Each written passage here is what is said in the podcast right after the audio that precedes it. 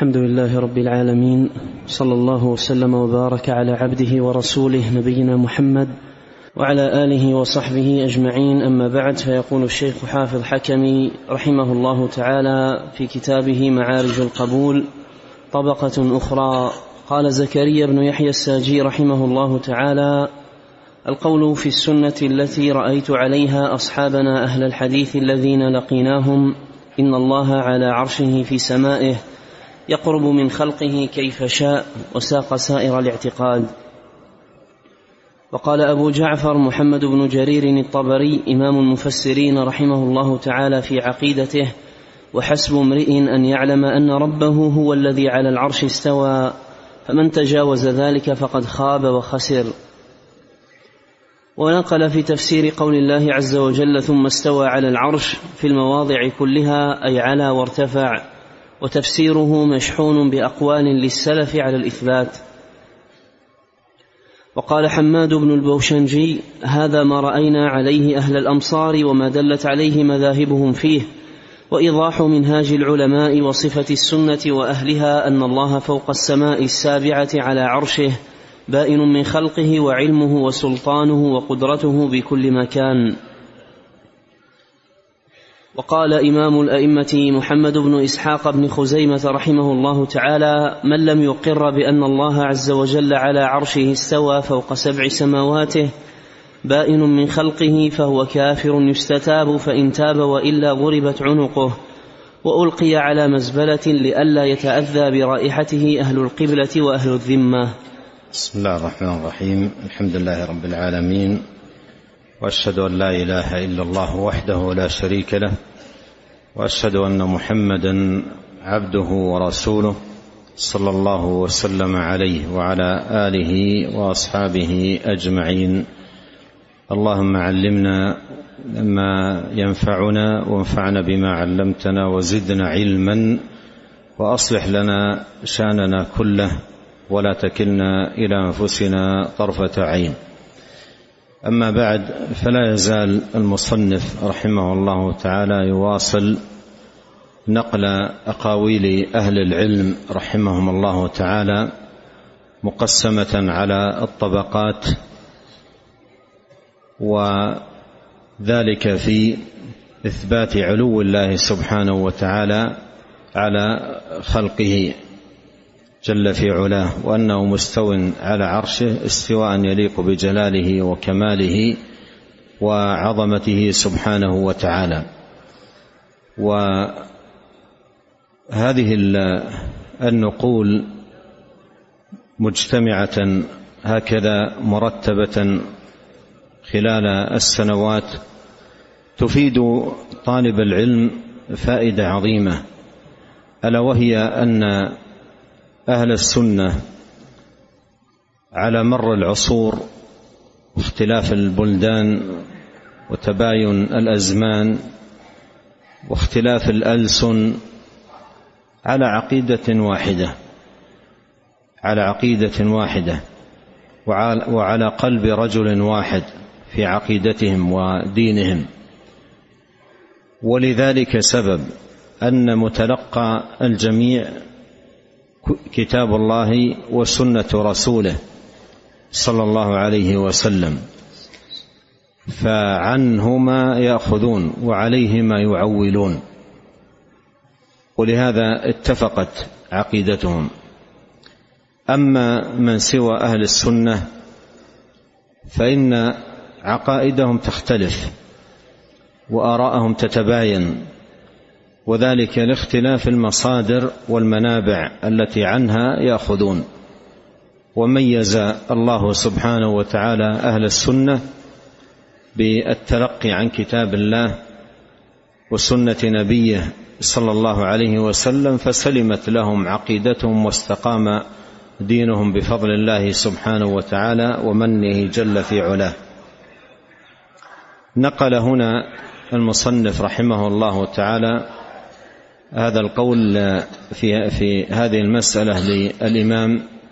ابن خزيمة رحمه الله تعالى صاحب كتاب التوحيد وما ذكره رحمه الله تعالى من حكم وما ياتي ايضا في تقريرات اهل العلم من احكام بل ما ياتي ايضا في الاحاديث كحديث من بدل دينه فاقتلوه ونحو ذلك فهذه امرها الى السلطان امرها الى السلطان في إقامة حدود الله عز وجل ليست لآحاد الناس وأفرادهم وأيضا هي وفق شروط شرعية وضوابط معلومة عند أهل العلم رحمهم الله تعالى نعم قال رحمه الله تعالى وقال أبو العباس بن سريج قد صح عن جميع أهل الديانة والسنة إلى زماننا ان جميع الاي والاخبار الصادقه عن رسول الله صلى الله عليه وسلم يجب على المسلمين الايمان بكل واحد منها كما ورد وان السؤال عن معانيها بدعه والجواب كفر وزندقه مثل قوله تعالى هل ينظرون الا ان ياتيهم الله في ظلل من الغمام وقوله الرحمن على العرش استوى وذكر الاعتقاد قول الامام ابن سريج رحمه الله تعالى في ذكر الاعتقاد لما ذكر الصفات قال يجب على المسلمين الايمان بكل واحده منها كما ورد اي كما جاءت عن النبي عليه الصلاه والسلام والسؤال عن معانيها بدعه ومراده رحمه الله بالسؤال عن معانيها بين اي على طريقه أهل البدع في التكلف في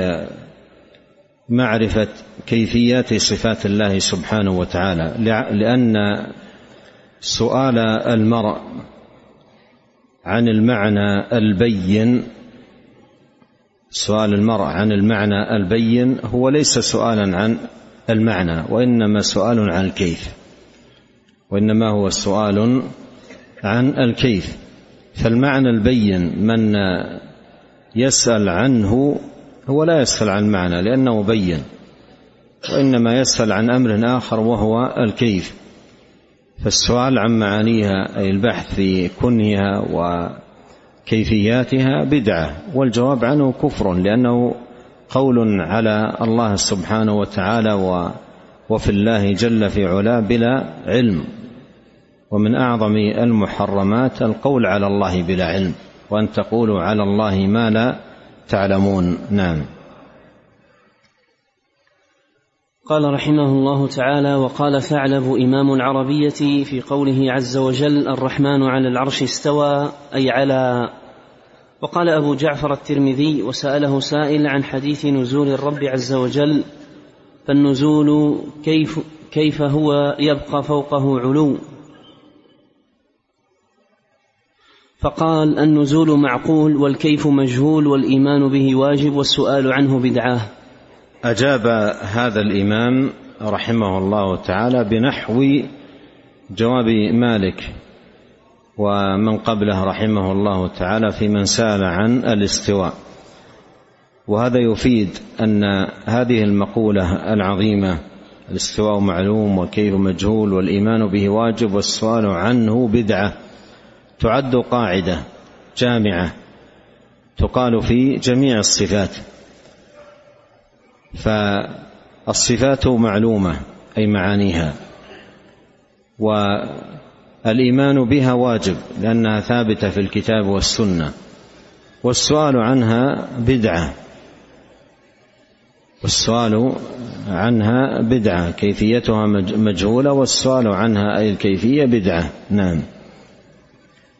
قال رحمه الله تعالى وقال الطحاوي الامام في عقيدته والعرش والكرسي حق كما بين في كتابه وهو مستغن عن العرش وقال الطحاوي الامام في عقيدته والعرش والكرسي حق كما بين في كتابه وهو مستغن عن العرش وما دونه محيط بكل شيء وفوقه وقال أبو الحسن الأشعري في ذكر مقالة أهل السنة وأصحاب الحديث وأن الله على عرشه كما قال تعالى الرحمن على العرش استوى قال ورأينا المسلمين جميعا يرفعون أيديهم إذا دعوا نحو السماء لأن الله تعالى مستو على العرش الذي هو فوق السماوات فلولا أن الله على العرش لم يرفعوا أيديهم نحو العرش نعم هذا قاله في كتابه مقالات الإسلاميين وهو من الكتب التي ألفها بعد أن رجع رحمه الله تعالى لعقيدة أهل السنة ومع ذلك فقد بقي خلق إلى زماننا هذا ينتسبون إلى أبي الحسن الأشعري في العقيدة التي تاب منها وتركها رحمه الله تعالى نعم قال رحمه الله تعالى وقال أبو محمد البربهاري رحمه الله تعالى الكلام في الرب محدثة وبدعة وضلالة فلا يتكلم في الله فلا يت فلا يتكلم في الله إلا بما فلا, وصف فلا يتكلم في الله إلا بما وصف به نفسه ولا نقول في صفاته لما ولا كيف يعلم السر وأخفى وعلى عرشه استوى وعلمه بكل مكان نعم طبقة أخرى من أئمة الإسلام وعلماء السنة قال أبو أحمد العسال في باب تفسير قول الله عز وجل الرحمن على العرش استوى فساق ما ورد فيه من أقوال السلف وأئمتهم وحديث ابن مسعود وقد مر وقال أبو بكر الصبغي في قوله عز وجل من في السماء أي من على العرش كما صحت الأخبار عن رسول الله صلى الله عليه وسلم نعم أي أن من أي أن في بمعنى على في الآية كما جاء أيضا في الحديث يرحم من في الأرض أي من على الأرض يرحمكم من في السماء أي من على السماء نعم قال رحمه الله تعالى وقال أبو القاسم الطبراني في كتاب السنة باب ما جاء في استواء الله على عرشه بائنا من خلقه فساق في الباب حديث أبي رزين العقيلي وحديث الأوعال وغيرها من أحاديث العلو وقال أبو بكر الآجري رحمه الله تعالى الذي يذهب إليه أهل العلم أن الله تعالى على عرشه فوق سماواته وعلمه محيط بكل شيء قد أحاط بجميع ما خلق في السماوات العلى وبجميع ما خلق في سبع أراضين يرفع إليه أعمال العباد وقال أبو الشيخ في كتاب العظمة في كتاب العظم يرفع إليه نعم يرفع إليه أعمال العباد وقال أبو الشيخ في كتاب العظمة له ذكر عرش الرب تبارك وتعالى وكرسيه وعظمه أيضا لعلها تراجع في في, في الأصل الذي هو كتاب الشريعة نعم أحسن الله إليكم وقال أبو الشيخ في كتاب العظمة له ذكر عرش الرب تبارك وتعالى وكرسيه وعظم خلقهما وعلو الرب فوق عرشه وساق جملة أحاديث في ذلك وقال أبو بكر الإسماعيلي استوى على العرش بلا كيف وإنه انتهى إلى أنه استوى على العرش ولم يذكر كيف كان استواؤه نعم لم يذكر كيف كان استواءه فنثبت ما ذكر ونكف عما لم يذكر نعم قال رحمه الله تعالى وقال الاستاذ ابو منصور الازهري الله تعالى على العرش وقال ابو الحسن بن مهدي رحمه الله تعالى في قول الله عز وجل الرحمن على العرش استوى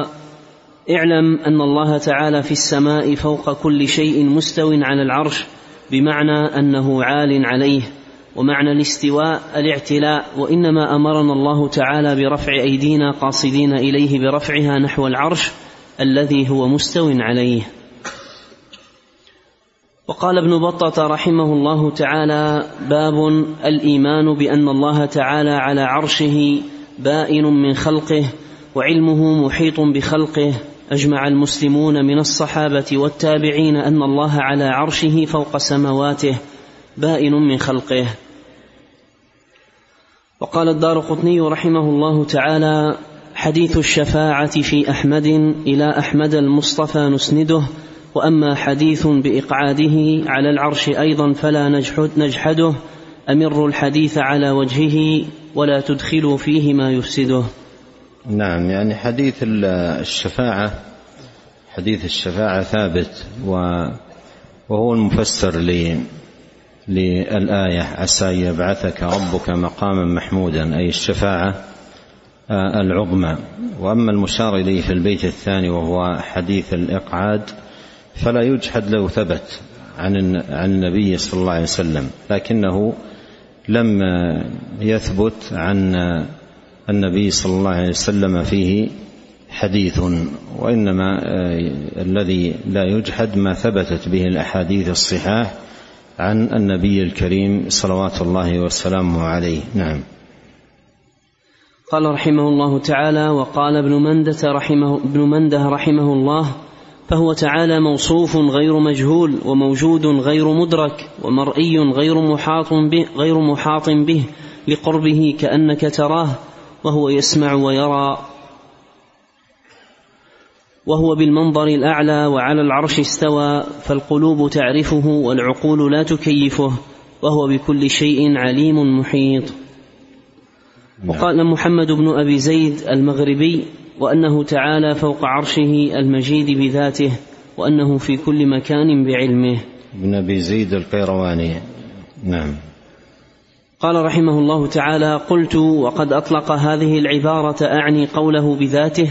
أبو جعفر بن أبي شيبة والدارمي ويحيى بن عمار وأبو نصر السجزي وابن عبد البر وشيخ الإسلام الأنصاري وأبو الحسن الكرجي وأحمد بن ثابت الطرقي وعبد العزيز القحيطي وعبد القادر الجيلي وطائفة نعم وإطلاقها هو من باب الإخبار إطلاقها من باب الإخبار باب الإخبار أوسع من باب الأسماء والصفات نعم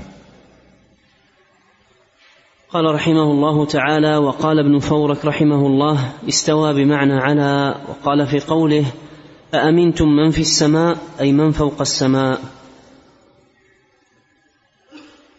وقال ابن الباقلاني في إبانته فإن قيل فهل تقولون إنه في كل مكان قيل معاذ الله بل هو مستو على عرشه كما أخبر في كتابه فقال تعالى الرحمن على العرش استوى وقال إليه يصعد الكلم الطيب والعمل الصالح يرفعه وقال أمنتم من في السماء إلى آخر كلامه وقال أبو أحمد القصاب في عقيدته كان ربنا عز وجل وحده لا شيء معه ولا مكان يحويه فخلق كل شيء بقدرته وخلق العرش لا لحاجة إليه فاستوى عليه استوى, فاستوى عليه استواء استقرار كيف شاء وأراد لا استقرار راحة كما يستريح الخلق نعم يقول خلق العرش واستوى عليه لا لحاجة وهذا يستفاد منه أن اللوازم التي تلزم الصفة إذا أضيفت للمخلوق ليست بلازم للصفة إذا أضيفت للخالق جل في علاه فاستواء المخلوق لما يستوي عليه من أشياء استواء عن حاجة فاستواءه على الفلك لو غرق الفلك غرق واستواءه على الدابة لو سقطت سقط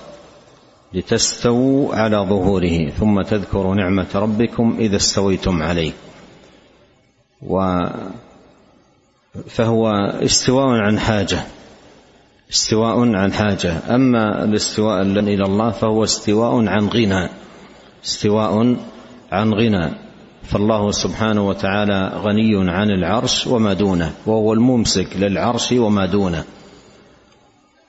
ومن ينكر الاستواء قائلا في انكاره الاستواء يلزم من اثبات الاستواء الحاجه الى العرش يقال له هذا تشبيه منك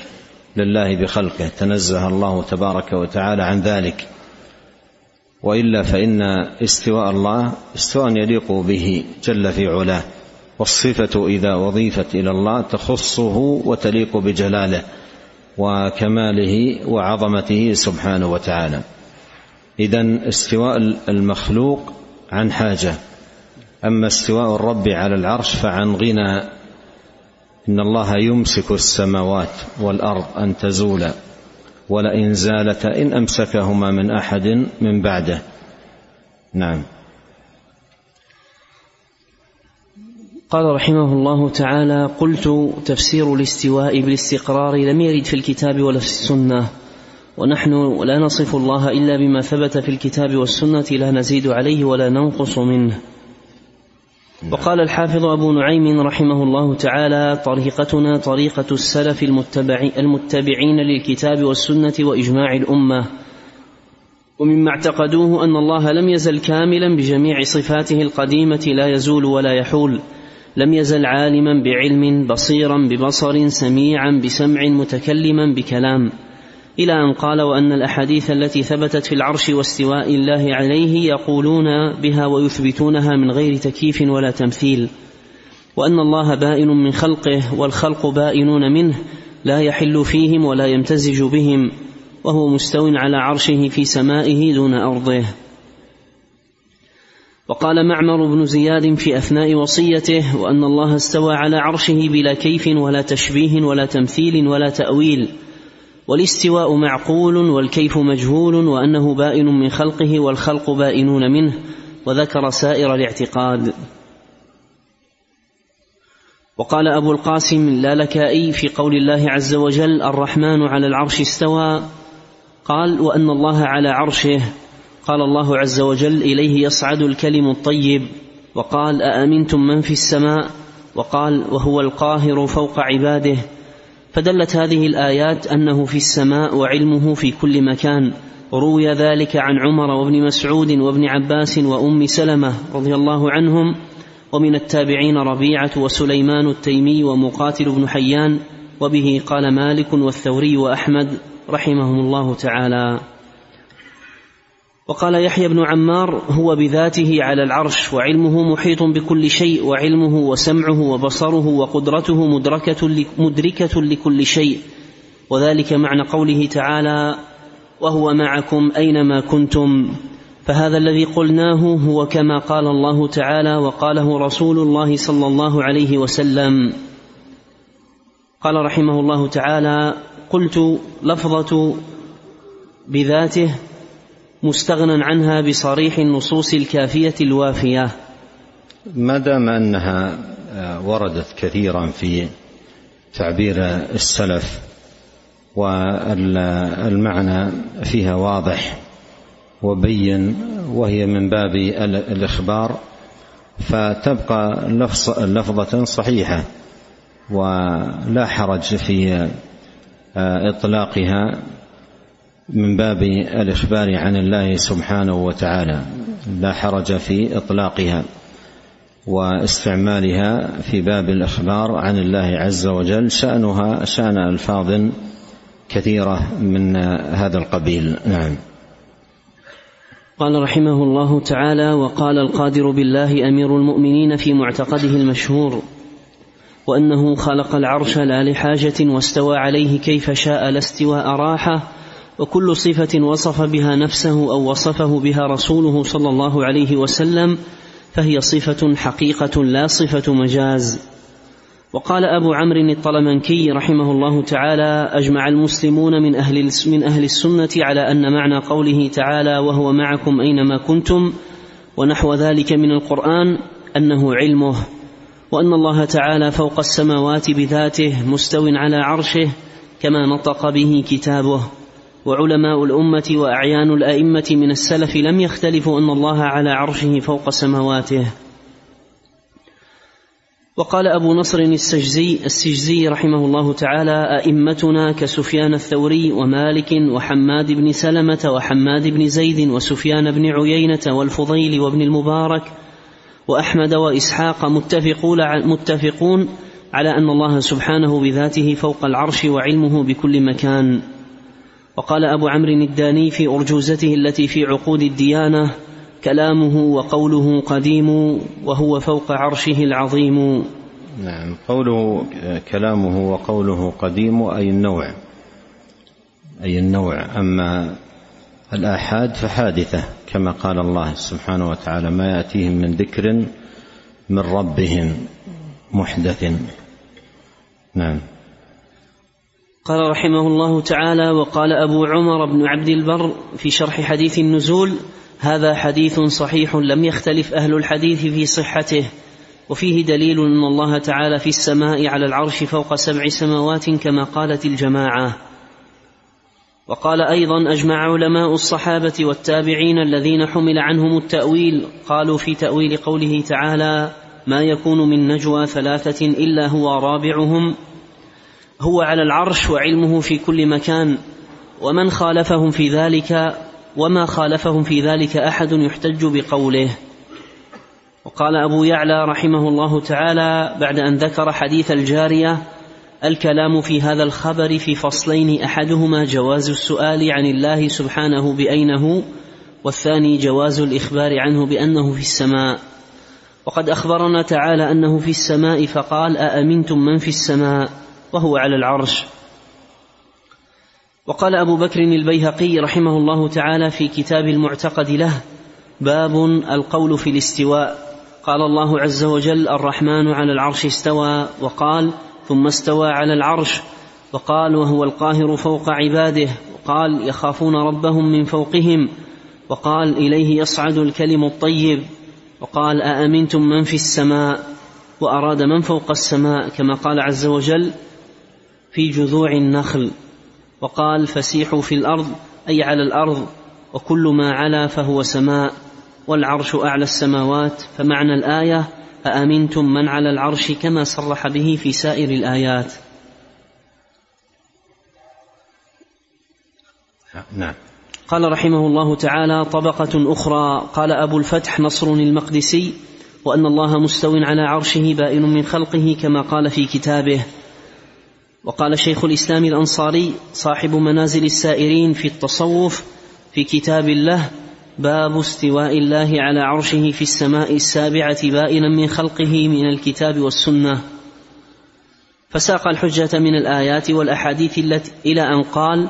وفي أخبار شتى أن الله سبحانه وتعالى في السماء السابعة على العرش بنفسه وهو ينظر كيف تعملون وعلمه وقدرته واستماعه ونظره ورحمته في كل مكان نعم في السماء أي فوق السماء في السماء السابعة أي فوق السماء آه، السابعة أو على السماء السابعة ومنازل السائرين للهروي هو الذي شرح ابن القيم في كتابه المطبوع مدارج السالكين نعم قال رحمه الله تعالى قال البغوي رحمه الله تعالى في قول الله عز وجل ثم استوى على العرش قال الكلبي ومقاتل استقر وقال أبو عبيد صعد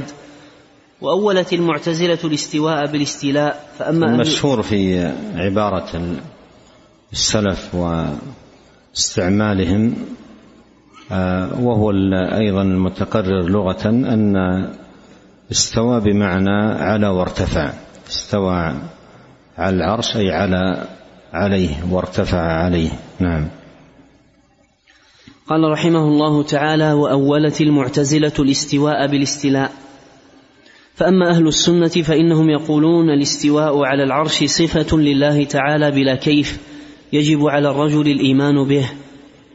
ويكل العلم فيه إلى الله عز وجل ثم ذكر قول مالك المتقدم وقال وروي عن سفيان الثوري والأوزاعي والليث بن سعد وسفيان بن عيينة وعبد الله بن المبارك وغيرهم من علماء السنة في هذه الآيات التي جاءت في الصفات المتش... التي جاءت في الصفات المتشابهات أمروها كما جاءت بلا كيف وقال أبو الحسن الكرجي في بائيته عقائدهم أن الإله بذاته أمروها كما جاءت وهي جاءت محمله بالمعاني فمراد السلف بقولهم امروها كما جاءت اي مثبتين المعاني التي جاءت محمله بها بلا كيف بلا اي بلا خوض في كيفياتها نعم قال رحمه الله تعالى وقال ابو الحسن الكرجي في بائيته عقائدهم ان الاله بذاته على عرشه مع علمه بالغوائب وأن استواء الرب يعقل كونه ويجهل فيه الكيف جهل الشهارب نعم بائية هذه أشار الذهبي إلى أنها تزيد على المئتين بيت في وهو من علماء الشافعية في تقرير المعتقد وذكر في في أولها أنها عقيدة أنها عقيدة أهل الحديث وأنها سمت باهلها الى اعلى المراتب مشيدا بعقيده عقيده اهل الحديث وسلامتها ونقائها وانها متلقاة من كتاب الله وسنة نبيه صلوات الله وسلامه وبركاته عليه. نعم. قال رحمه الله تعالى وقال الشيخ عبد القادر الجيلي رحمه الله أن استواء الرب يعقل كونه ويجهل فيه الكيف يعقل كونه أي ثابت وحق جاء في كتاب الله وسنة نبيه عليه الصلاة والسلام ويجهل فيه الكيف الكيف مجهول لا يدرى ما هو الكيف مجهول لا يدرى ما هو ويجهل فيه الكيف جهل الشهاربي جهل أي كما يجهل الأمر في آه، هذه الكلمة الشهاربي نعم قال رحمه الله تعالى وقال الشيخ عبد القادر الجيلي رحمه الله تعالى في كتاب الرمية الشهاربي آه، هذه لا أدري ما هي أقول لا أدري ما هي نظرت في كتب اللغة ما وجدت لها أي آه، أي ذكر فما أدري ما هي من وجد حولها شيئا في تعليقات أهل العلم أو كلامهم يفيدنا به وأظن الله أعلم أنه أن كلمة لا معنى لها ركبها مع القافية يعني أنه آه، شيء ما يعرف له أي معنى جهل الشهاربي يعني كلمة لا لا يعرف لها أي معنى هكذا ركبها الله أعلم نعم قال رحمه الله تعالى وقال الشيخ عبد القادر الجيلي رحمه الله تعالى في كتاب الغنية أما معرفة الصانع بالآيات والدلائل على وجه الاختصار فهو أن يعرف ويتيقن أن الله واحد أحد إلى أن قال وهو مستو على العرش محتو على الملك محيط بالأشياء إليه يصعد الكلم الطيب والعمل الصالح يرفعه ولا يجوز وصفه بأنه في كل مكان بل يقال إنه في السماء على العرش كما قال عز وجل الرحمن على العرش استوى وينبغي إطلاق ذلك من غير تأويل عبد القادر الجيلي ويقال الجيلاني انظر إلى تقريره في الاعتقاد وانظر أيضا واقع خلق كيف غلوا فيه بل جعله بعضهم ندا لله يصرفون له ما لا يصرف إلا لله سبحانه وتعالى من العبادات والخضوع والنذور وغير ذلك نعم قال رحمه الله تعالى وكونه تعالى على العرش مذكور في كل, كتاب في كل كتاب أنزل على كل نبي أرسل بلا كيف نعم يعني أن العقيدة متفق عليها بين الأنبياء وكونه على العرش هذا مقرر في عقيدة جميع النبيين نعم قال رحمه الله تعالى وقال أبو عبد الله القرطبي وقد كان السلف الأول رضي الله عنهم لا يقولون بنفي الجهة ولا ينطقون بذلك بل نطقوا هم والكافة بإثباتها لله تعالى كما نطق كتابه وأخبرت رسله ولم ينكر أحد من السلف الصالح أن استواءه على عرشه حقيقة وخص عرشه بذلك لأنه أعظم مخلوقاته وإنما جهلوا كيفية الاستواء فإنه لا يعلم حقيقة فإنه لا يعلم حقيقة كيفيته قال رحمه الله تعالى قلت أراد أبو عبد الله بالجهة إثبات العلو لله تعالى أما لفظ الجهة فلم يرد في الكتاب ولا السنة ولا يلزم من إثبات العلو إثباتها لأن العرش سقف جميع المخلوقات فما فوقه لا يسمى جهة ولو سلمنا أنه يلزم من إثبات العلو إثبات الجهة فلازم الحق حق فما استلزمه صريح الآيات والأحاديث فهو حق بلا خلاف عند أهل السنة لفظ الجهة لفظ مجمل ولا يثبت بالإطلاق ولا ينفى بالإطلاق وإنما يفصل فيه شأن الألفاظ المجملة وبالتفصيل كما يقول ابن تيمية يستبين السبيل نعم قال رحمه الله تعالى قال شيخ الإسلام ابن تيمية رحمه الله تعالى في العقيدة الواسطية بعد سرد الآيات والأحاديث في الصفات فصل وقد دخل فيما ذكرنا من الإيمان بالله الإيمان بما أخبر فيه بما أخبر به في كتابه وتواتر عن رسول الله صلى الله عليه وسلم وأجمل وأجمع عليه سلف الأمة من أنه سبحانه فوق سمواته على عرشه علي على خلقه وهو سبحانه معهم أينما كانوا يعلم ما هم عاملون كما جمع بين ذلك في قوله تعالى هو الذي خلق السماوات والارض في سته ايام ثم استوى على العرش يعلم ما يلج في الارض وما يخرج منها وما ينزل من السماء وما يعرج فيها وهو معكم اينما كنتم والله بما تعملون بصير وليس معنى قوله هو معكم وهو معكم انه مختلط بالخلق فان هذا لا توجبه اللغه وهو خلاف ما اجمع عليه سلف الامه وخلاف ما فطر الله عليه الخلق بل القمر آية من آيات الله من أصغر مخلوقاته وهو موضوع في السماء وهو مع المسافر وغير المسافر أينما كان والله سبحانه فوق العرش رقيب على خلقه مهيمن عليهم مطلع عليهم إلى غير ذلك من معاني ربوبيته وكل هذا الكلام الذي ذكر الله تعالى من أنه فوق العرش وأنه معنا حق على حقيقته لا يحتاج إلى تحريف ولكن يصان عن الظنون الكاذبة مثل أن يظن مثل أن يظن أن ظاهر قوله في السماء أن السماء تقله أو تظله وهذا باطل بإجماع أهل العلم والإيمان فإن الله تعالى قد وسع كرسيه السماوات والأرض وهو الذي يمسك السماوات والأرض أن تزولا ويمسك السماء أن تقع على الأرض إلا بإذنه ومن آياته أن تقوم السماء والأرض بأمره انتهى انتهى كلامه رحمه الله نعم يعني هذا يؤكد المعنى الذي سبق وهو أن استواء الله عن غنى استواء الله على عرشه عن غنى عن غنى عن العرش وما دون العرش فهو الممسك سبحانه وتعالى للعرش وما دونه نعم قال رحمه الله تعالى ومصنفات هذا الامام وتلميذه ابن القيم رحمهما الله تعالى في الانتصار لمعتقد اهل السنه والجماعه قد طبقت المشارق والمغارب ولو ذهبنا نذكر اقوال اهل العلم والدين من السلف والخلف لاحتجنا الى عده اسفار بل الى عده احمال وفيما ذكرناه كفايه قال رحمه الله تعالى ونحن نشهد ونحن نشهد الله تعالى وحملة عرشه وجميع ملائكته وأنبيائه ورسله وجميع خلقه أن نثبت لربنا عز وجل ما أثبته لنفسه في كتابه وأثبته رسوله صلى الله عليه وسلم واجمع عليه اهل السنه والجماعه سلفا وخلفا ممن ذكرنا وممن لم نذكر من ان ربنا والهنا فوق سماواته على عرشه بائن من خلقه وهو يعلم ما هم عليه لا يخفى عليه منهم خافيه واستواؤه على عرشه كما اخبر وعلى الوجه الذي عناه واراده كما يليق بجلال ربنا وعظمته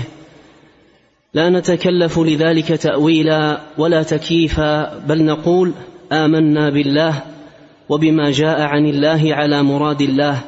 وامنا برسول الله وبما جاء عن رسول الله على مراد رسول الله صلى الله عليه وسلم ولا نطلب اماما غير الكتاب والسنه ولا نتخطاهما الى غيرهما ولا نتجاوز ما جاء فيهما فننطق بما نطق به ونسكت عما سكت عنه ونسير سيرهما حيث سارا ونقف معهما حيث وقفا ولا حول ولا قوه الا بالله العلي العظيم انهى بهذا رحمه الله تعالى ما يتعلق باثبات العلو لله جل وعلا فذكر انواع الادله على علو الله واطال في تفصيل ذلك والاستدلال له ثم من بعد ذلك شرع في نقل اقوال السلف وجمع جمعا نافعا في هذا الباب عن أئمة السلف وعلماء الدين من أئمة السنة عبر القرون آه، متطابقين متطابقة أقوالهم في تقرير ذلك وإثباته وأشار أيضا في خاتمة ذلك رحمه الله تعالى أن ما ذكره هو ملخص لبعض الأقاويل وإلا فجمع ذلك يحتاج الى مطولات واسفار عديده فنسال الله عز وجل ان يجزيه خيرا على ما نصح وبين وان ينفعنا بما علمنا وان يزيدنا علما وتوفيقا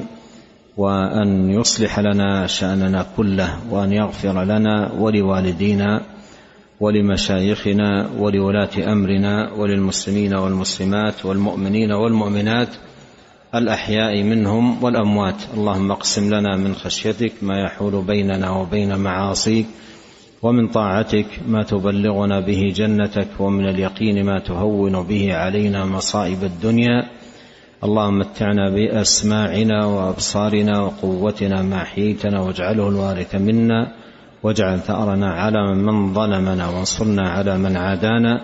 ولا تجعل مصيبتنا في ديننا ولا تجعل الدنيا أكبر همنا ولا مبلغ علمنا ولا تسلط علينا من لا يرحمنا سبحانك اللهم وبحمدك أشهد أن لا إله إلا أنت أستغفرك وأتوب إليك اللهم صل وسلم على عبدك ورسولك نبينا محمد وآله وصحبه جزاكم الله خيرا